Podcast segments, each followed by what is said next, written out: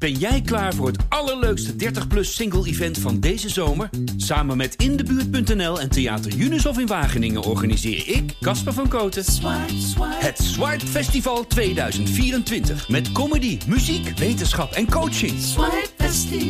Maar vooral heel veel leuke mensen. Bestel nu je kaart op swipefestival.nl. Swipe, swipe. Hi, voor we beginnen nog een kleine oproep.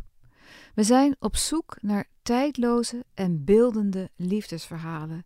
Dus misschien heb je wel een mooie herinnering aan een oude liefde die de rest van je leven bepaald heeft. Of iets totaal anders. Kom het ons vertellen. Daarnaast willen we experimenteren met de vorm van de podcast en zoeken daarom ook naar verhalen met audiomateriaal. Dus filmpjes of voice messages die dus betrekking hebben op wat jij wilt vertellen zodat die later gebruikt kunnen worden in de montage, dat wil zeggen flarden daarvan op een abstracte manier. Voel je aangesproken? Mail dan naar de liefde van nu volkskrant.nl. Deze week hebben we het over een kinderwens. En dat is op zich niet zo bijzonder, zou je zeggen, maar wel als je een vrouw bent die al een kind heeft uit een vorige relatie met een man, maar nu een tweede kind wil en deze keer met een vrouw. Dat is dus de situatie van de 40-jarige Suus. De vraag dient zich aan: wie baart het kind en hoe beslis je dat? Daarover en over allerlei andere kwesties vertelt Suus met heel veel humor. Dus dit is de liefde van nu. Het kind dat ik heb gekregen, dat was een ongelukje. En dat was uh, totaal ongepland. En uh, dat is ook dus niet te vergelijken met waar ik nu doorheen ga. Dat was geen liefdesbaby of uh, wel heel blij mee overigens. En nu willen we wel heel graag een liefdesbaby, want we houden heel veel van elkaar en we hebben het heel fijn samen. En we denken echt dat het nog fijner kan worden met een kindje erbij, of misschien wel twee.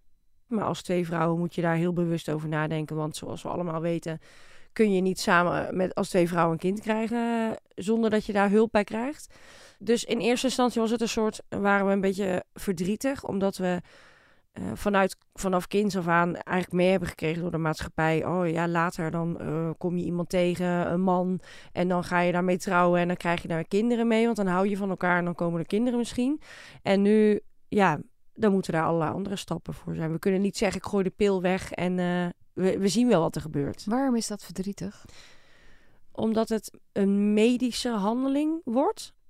Um, het is verdrietig, denk ik ook, omdat ik altijd het beeld dat als ik samen een kind krijg met mijn partner later, dan zie ik mezelf daarin terug.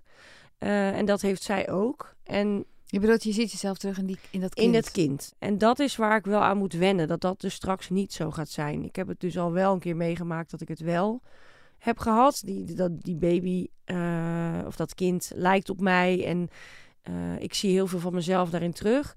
Uh, en als, want dat heb ik nog niet bijverteld. Mijn partner gaat de baby dragen. En zij, haar genen zit er dus in en die van een donor, maar niet die van mij. En dat is wel iets waar ik uh, ja, verdrietig over kan zijn soms.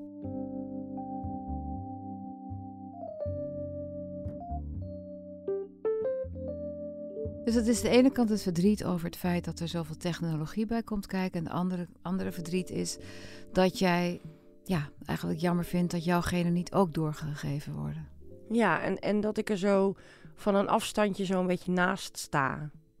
Ik weet ook niet precies waarom ik dat zo moeilijk vind, maar dat vind ik soms wel ingewikkeld. Want dat is de rol die vaders al eeuwenlang hebben. Ja, maar dan hebben ze, vaders hebben wel een, nog hun DNA zien ze dan terug. Of de baby lijkt vaak op de vader, vooral als het geboren wordt. Kun je laten even met het begin beginnen? Van wanneer besloot jij en je vriendin een kind te gaan krijgen? Ja, eigenlijk toch al wel anderhalf jaar geleden uh, gingen we erover nadenken. Um, maar goed, wij wisten natuurlijk dat we niet zelf, daar moesten we uh, dingen voor regelen. We hebben uh, gezocht naar een donor en eerst gepraat over wat, hoe willen we dat dan, wat willen we dan. Kwamen willen... jullie daar snel uit? We waren vrij snel uit dat we allebei graag een bekende donor zouden willen. Dus je kunt bijvoorbeeld ook zaad halen uit, uh, via internet bestellen uit Denemarken. En dan is het nooit helemaal anoniem, want dat mag niet meer. Kinderen moeten wel te weten kunnen komen wie hun biologische vader is. Maar wilden we dus wel een persoon die we zelf kennen. Hoeven we niet per se heel goed te kennen, maar wel uh, op een bepaald niveau weten hoe die persoon in elkaar zit, karaktereigenschappen, uh, misschien ja, hoe die eruit ziet. Dat lijkt me nog niet eenvoudig. Had je die snel gevonden? Nee, die, die hadden we niet heel snel gevonden. Want uh, toen we daar eenmaal over uit waren, gingen we dan een lijstje maken met, nou, um, roep.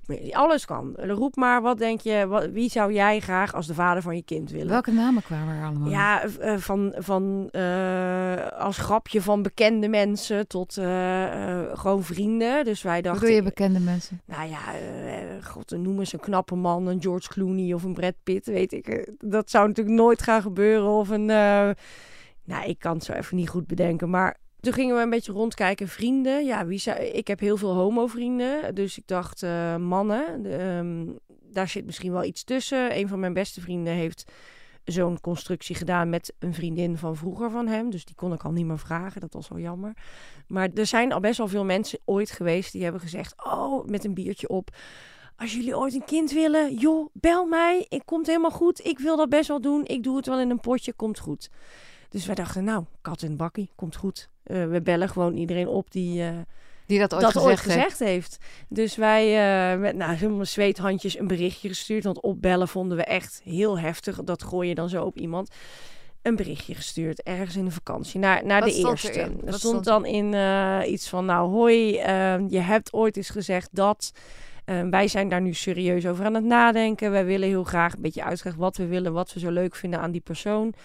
En welke rol wij zouden zien. Dus wij wilden echt heel graag geen uh, actieve rol van de vader in ons gezin. Dus wij wilden eigenlijk. En dat vind ik dus best moeilijk. Want je vraagt nogal wat van iemand. Het kan soms egoïstisch voelen. Want hé, hey, wij willen jouw zaad, dus jouw genen. Maar we willen er eigenlijk niet zoveel voor teruggeven. Waarom niet eigenlijk? Het kan toch ook heel leuk zijn, nog zo'n man erbij?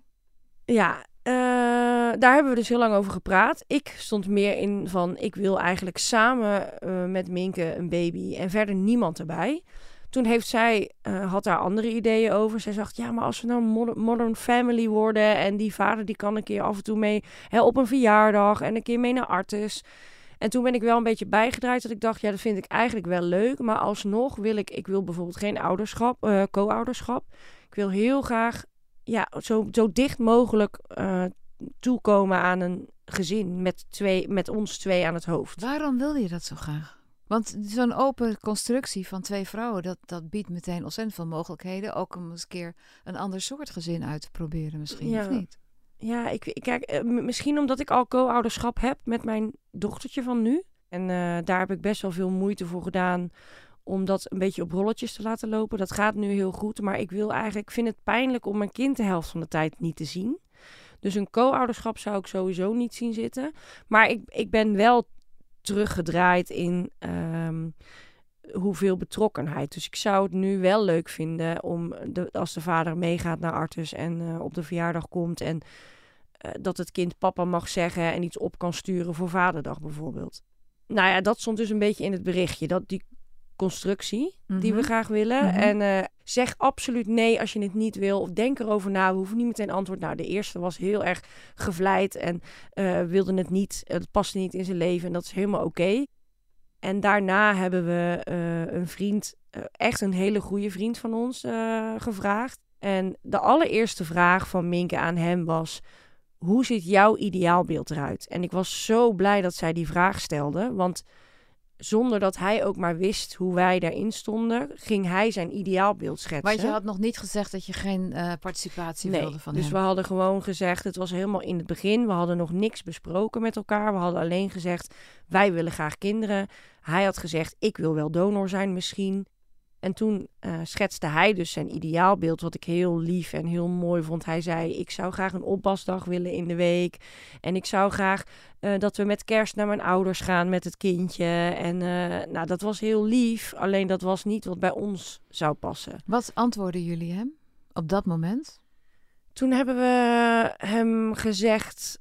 niet meteen gezegd dat dat niet onze insteek was. We hebben wel een beetje in het gesprek gezegd hoe wij het graag zouden willen. Maar we hebben het niet meteen afgekapt, omdat dat, ja, wat ik net ook al zei, het is een beetje, uh, het voelt een beetje egoïstisch.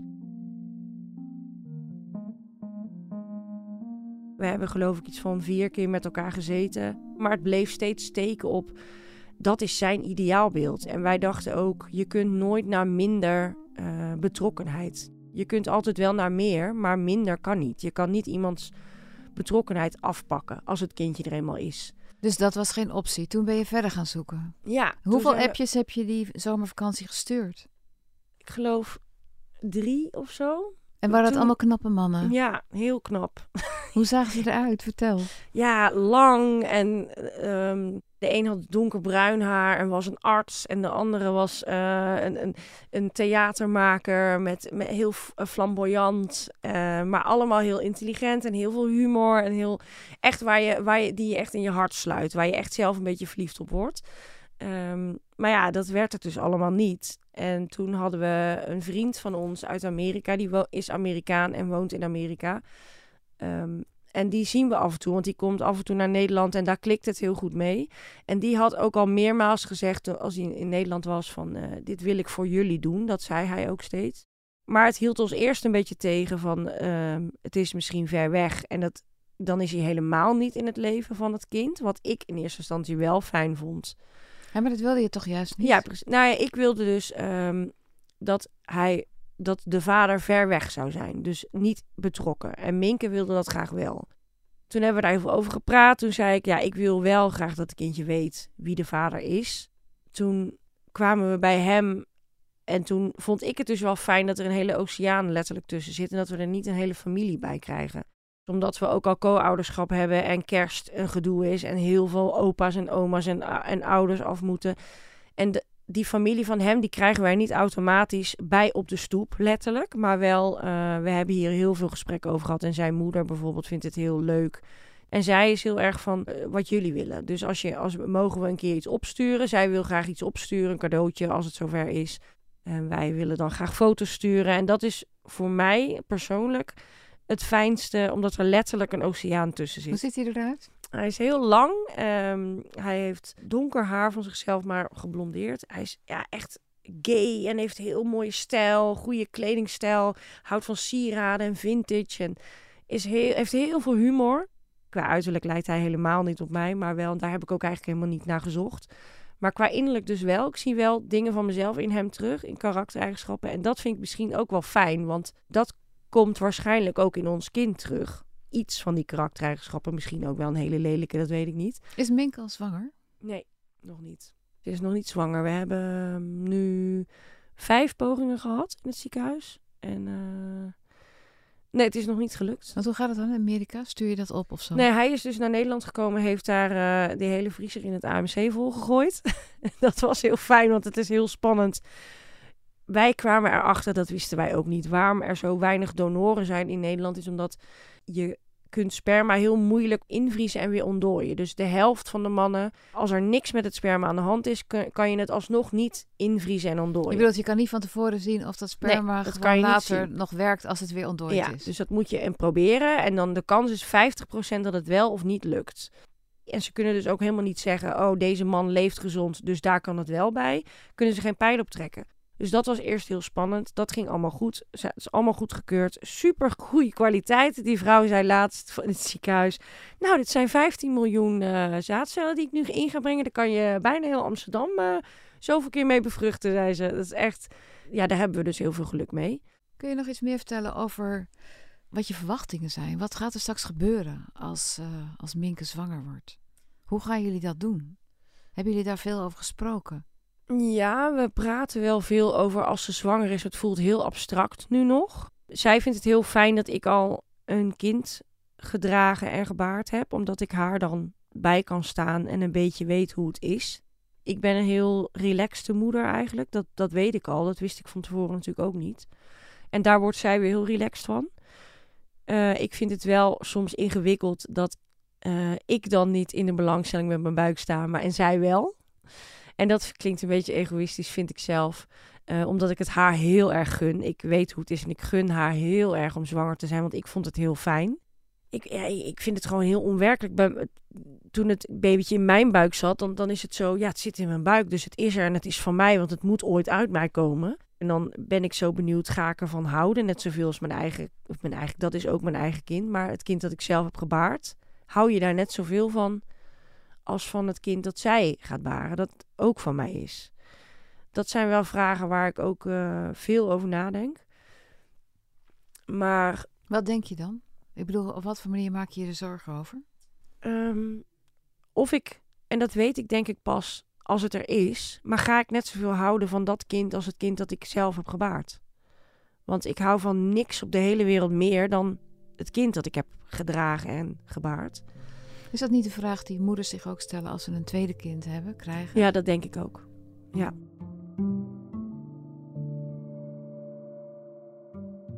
Maar ik begin er steeds meer achter te komen dat ik hou gewoon heel erg van mensen en van kinderen. Uh, de zus van Minke heeft een kind gekregen en wij zijn dus tantes. Ik ben voor het eerst in mijn leven tante van een, een heel klein schattig jongetje. En die zien we heel veel en daar passen we af en toe op. En daar hou ik zoveel van. En hij ook heel veel van mij. Hij kent me goed. En Minke zei, maar schat, Willem, zo heet dat kindje, houdt zoveel van jou als een bloedeigen tante. En jij houdt heel veel van hem. En jullie zien elkaar niet elke dag. Kun je nagaan als het straks je eigen kind is. Waarmee je elke dag de hele dag bent. Die dingen van jou gaat leren. Die mama tegen jou gaat zeggen. En dat stelt me wel gerust. Dat als ik daarover nadenk, denk ik, oh ja, dat is waar. Dat, dat is dus geen bloed. Wanneer ga je het uh, over twee weken? Ga je het horen? Nee, over een paar dagen. Over een paar dagen. Ja.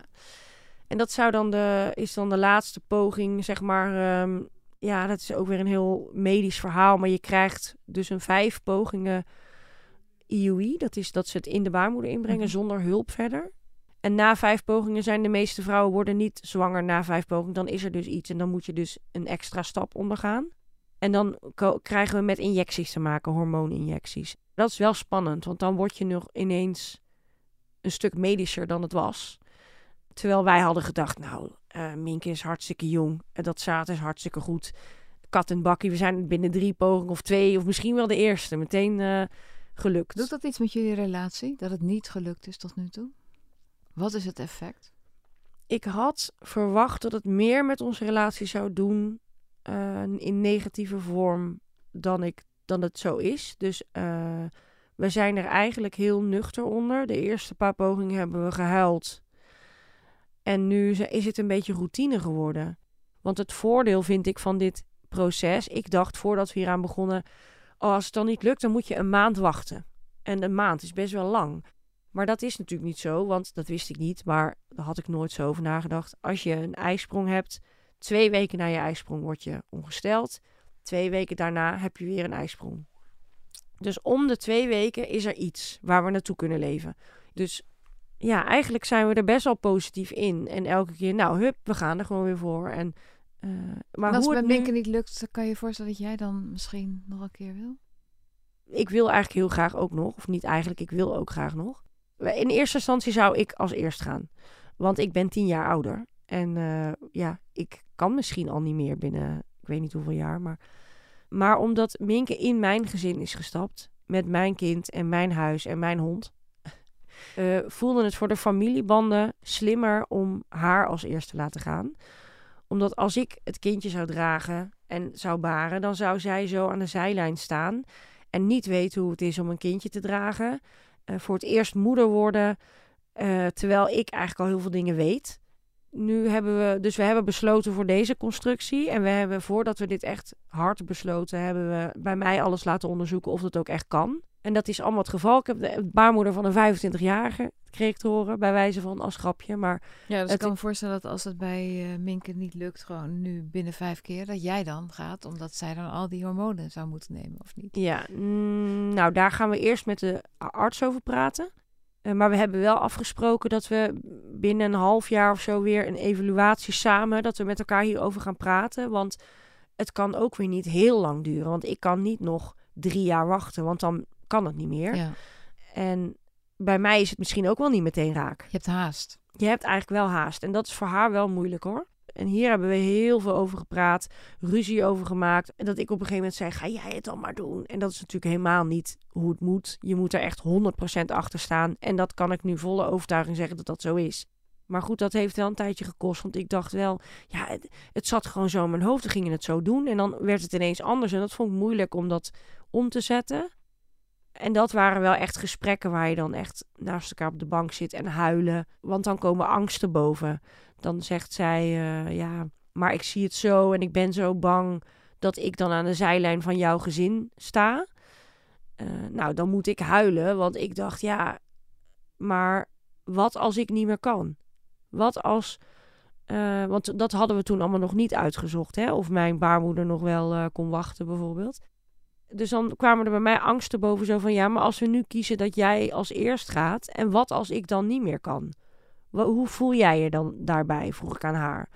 Toen, zei, toen moest zij huilen. Toen zei ze, ja, daar zou ik me echt heel schuldig over voelen. En heel erg, want ik wil, uh, los van dat ik het jou gun om ons kindje te dragen... vond ik ook heel mooi dat ze zei... wil ik, het, uh, wil ik ook niks liever dan dat jij, mijn vrouw, zwanger is van mij, tussen haakjes van mij. Dat ik met jou over straat kan lopen, dat jij zwanger bent, dat ik jou zwanger kan zien. Dat ik aan jouw bevalbed sta en jou kan helpen.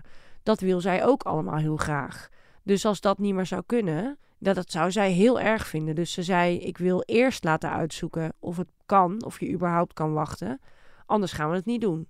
En ook tegelijkertijd baren. Of ja, dat hebben heel veel mensen tegen ons gezegd, maar dat leek ons geen goed idee. Daar hebben we het heel kort over gehad. En dat was een dikke vette nee. Want twee zwangere vrouwen in huis, dat lijkt me echt een slecht idee. Qua hormonen en elkaar kunnen helpen en nog een kind ook nog hebben. Nee, dat. Uh, en stel je voor dat je tegelijk zwanger raakt. En dat ik dan, dat zij eerst gaat bevallen, sta ik met mijn dikke toeter aan haar bevalbed. Nee, dat. Ik heb wel gelezen van vrouwen die dat doen, maar dat zag ik toch niet helemaal zitten. Ik wil heel graag voor haar zorgen. Daar kijk ik ook heel erg naar uit. En zij heeft hetzelfde. Zij wil heel graag voor mij zorgen. Dus nee, dat. Nee. Ja, je begon, begon dit gesprek met dat je zei van ja, het is zo jammer dat het niet eigenlijk gewoon allemaal natuurlijk kan gaan. En dat je dan niet aan de ene kant dat technische en aan de andere kant dat gevoel om de zijlijn. Ik merk dat er wordt, moet heel veel gepraat worden om steeds op één lijn te kunnen blijven. Is dat voor jou lastig? Of maakt het jou, voor jou die band tussen jou en Minka alleen maar steviger. Kun je daar iets over zeggen? Ja, dat, dat veel praten. We praten heel veel, al, al jaren hierover. Over, over andere dingen ook. En ik ben niet zo'n prater. Uh, nou, ik ben wel een prater, kan heel veel, heel goed praten, maar niet over mijn gevoel. En dat heb ik van haar heel erg geleerd. Zij trekt alles bij mij eruit.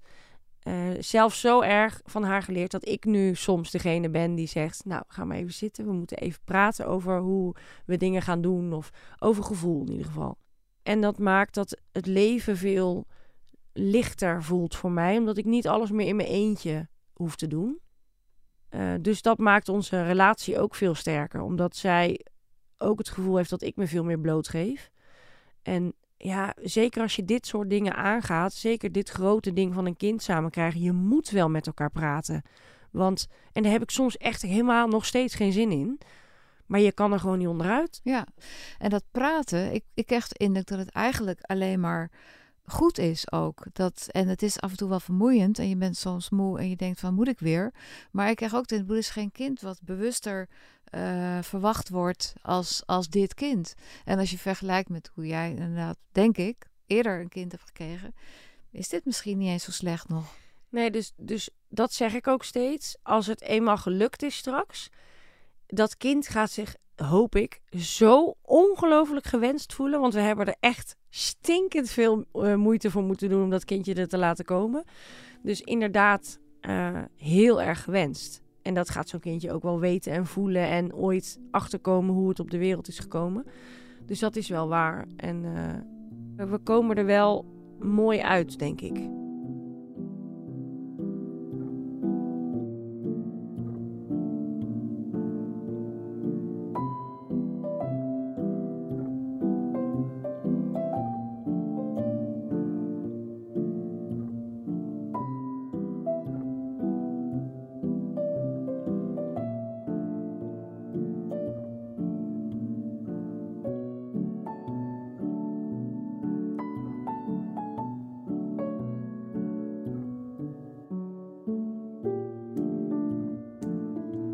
Was De Liefde van Nu.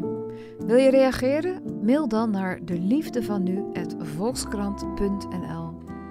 Ik maak deze podcast samen met Mona de Brouwer, tevens editor. Research wordt gedaan door Sien Bonen en Mona de Brouwer. Eindredactie is van Corinne van Duin en Emilie van Kinschot. En begin- en eindtune is van Juliaan de Groot. Dankjewel voor het luisteren.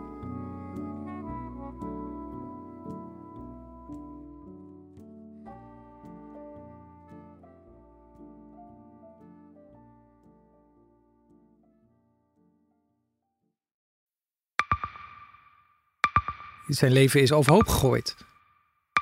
Plus dat heel veel mensen hem niet geloven.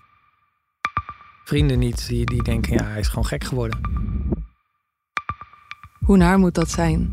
Als je vertelt over de meest indringende ervaring uit jouw leven en niemand gelooft dat je het echt hebt meegemaakt. Ja, ik vind zelf niet dat ik het verzonnen heb, maar sommige mensen denken dat wel. Maar hoe kom je erachter of jij het doelwit bent van een geheime dienst?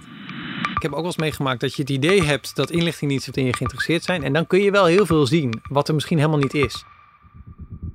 Als ik s'avonds nog iets ging eten, dan volgden die mensen mee naar het restaurant. En dan terug van het restaurant naar het hotel. Als zij op een gegeven moment zei, kijk maar uit, want anders word je dadelijk nog ontvoerd ook. Shit, ik moet hier weg. Dat is, is niet goed. Nu word ik gevolgd. Een soort Truman Show is het gewoon. Hè? Alsof dat hele straatbeeld voor jou is ingericht. Maar dan wel met bedoeling jou, jou niet door te laten. Dit kan geen toeval zijn. Een nieuwe podcast van de Volkskrant. Mijn naam is Simone Eleveld en samen met Huid Modderkolk ontrafel ik een bizarre operatie van de geheime dienst. Wat het doel ook is, jij verliest het. Ik werd opgepakt, heel lang ondervraagd. Maar hoe krijg je grip in een wereld die zo onderzichtig is? Als je zou liegen, dan zou je niet de meest relevante informatie twee jaar later tussen neus en lippen doorvertellen. Er zal nooit iemand zeggen, oké Bart, ik geloof je. Nooit, nooit. Dit kan geen toeval zijn. Vanaf 3 oktober bij de Volkskrant. Ik weet niet of ik ook alles kan vertellen. Het is echt te bizar. Wat? Ehm, ja. Ben jij klaar voor het allerleukste 30-plus single-event van deze zomer? Samen met Indebuurt.nl en Theater Unisof in Wageningen organiseer ik, Casper van Koten, het Swipe Festival 2024. Met comedy, muziek, wetenschap en coaching. Maar vooral heel veel leuke mensen. Bestel nu je kaart op swipefestival.nl. Swipe, swipe.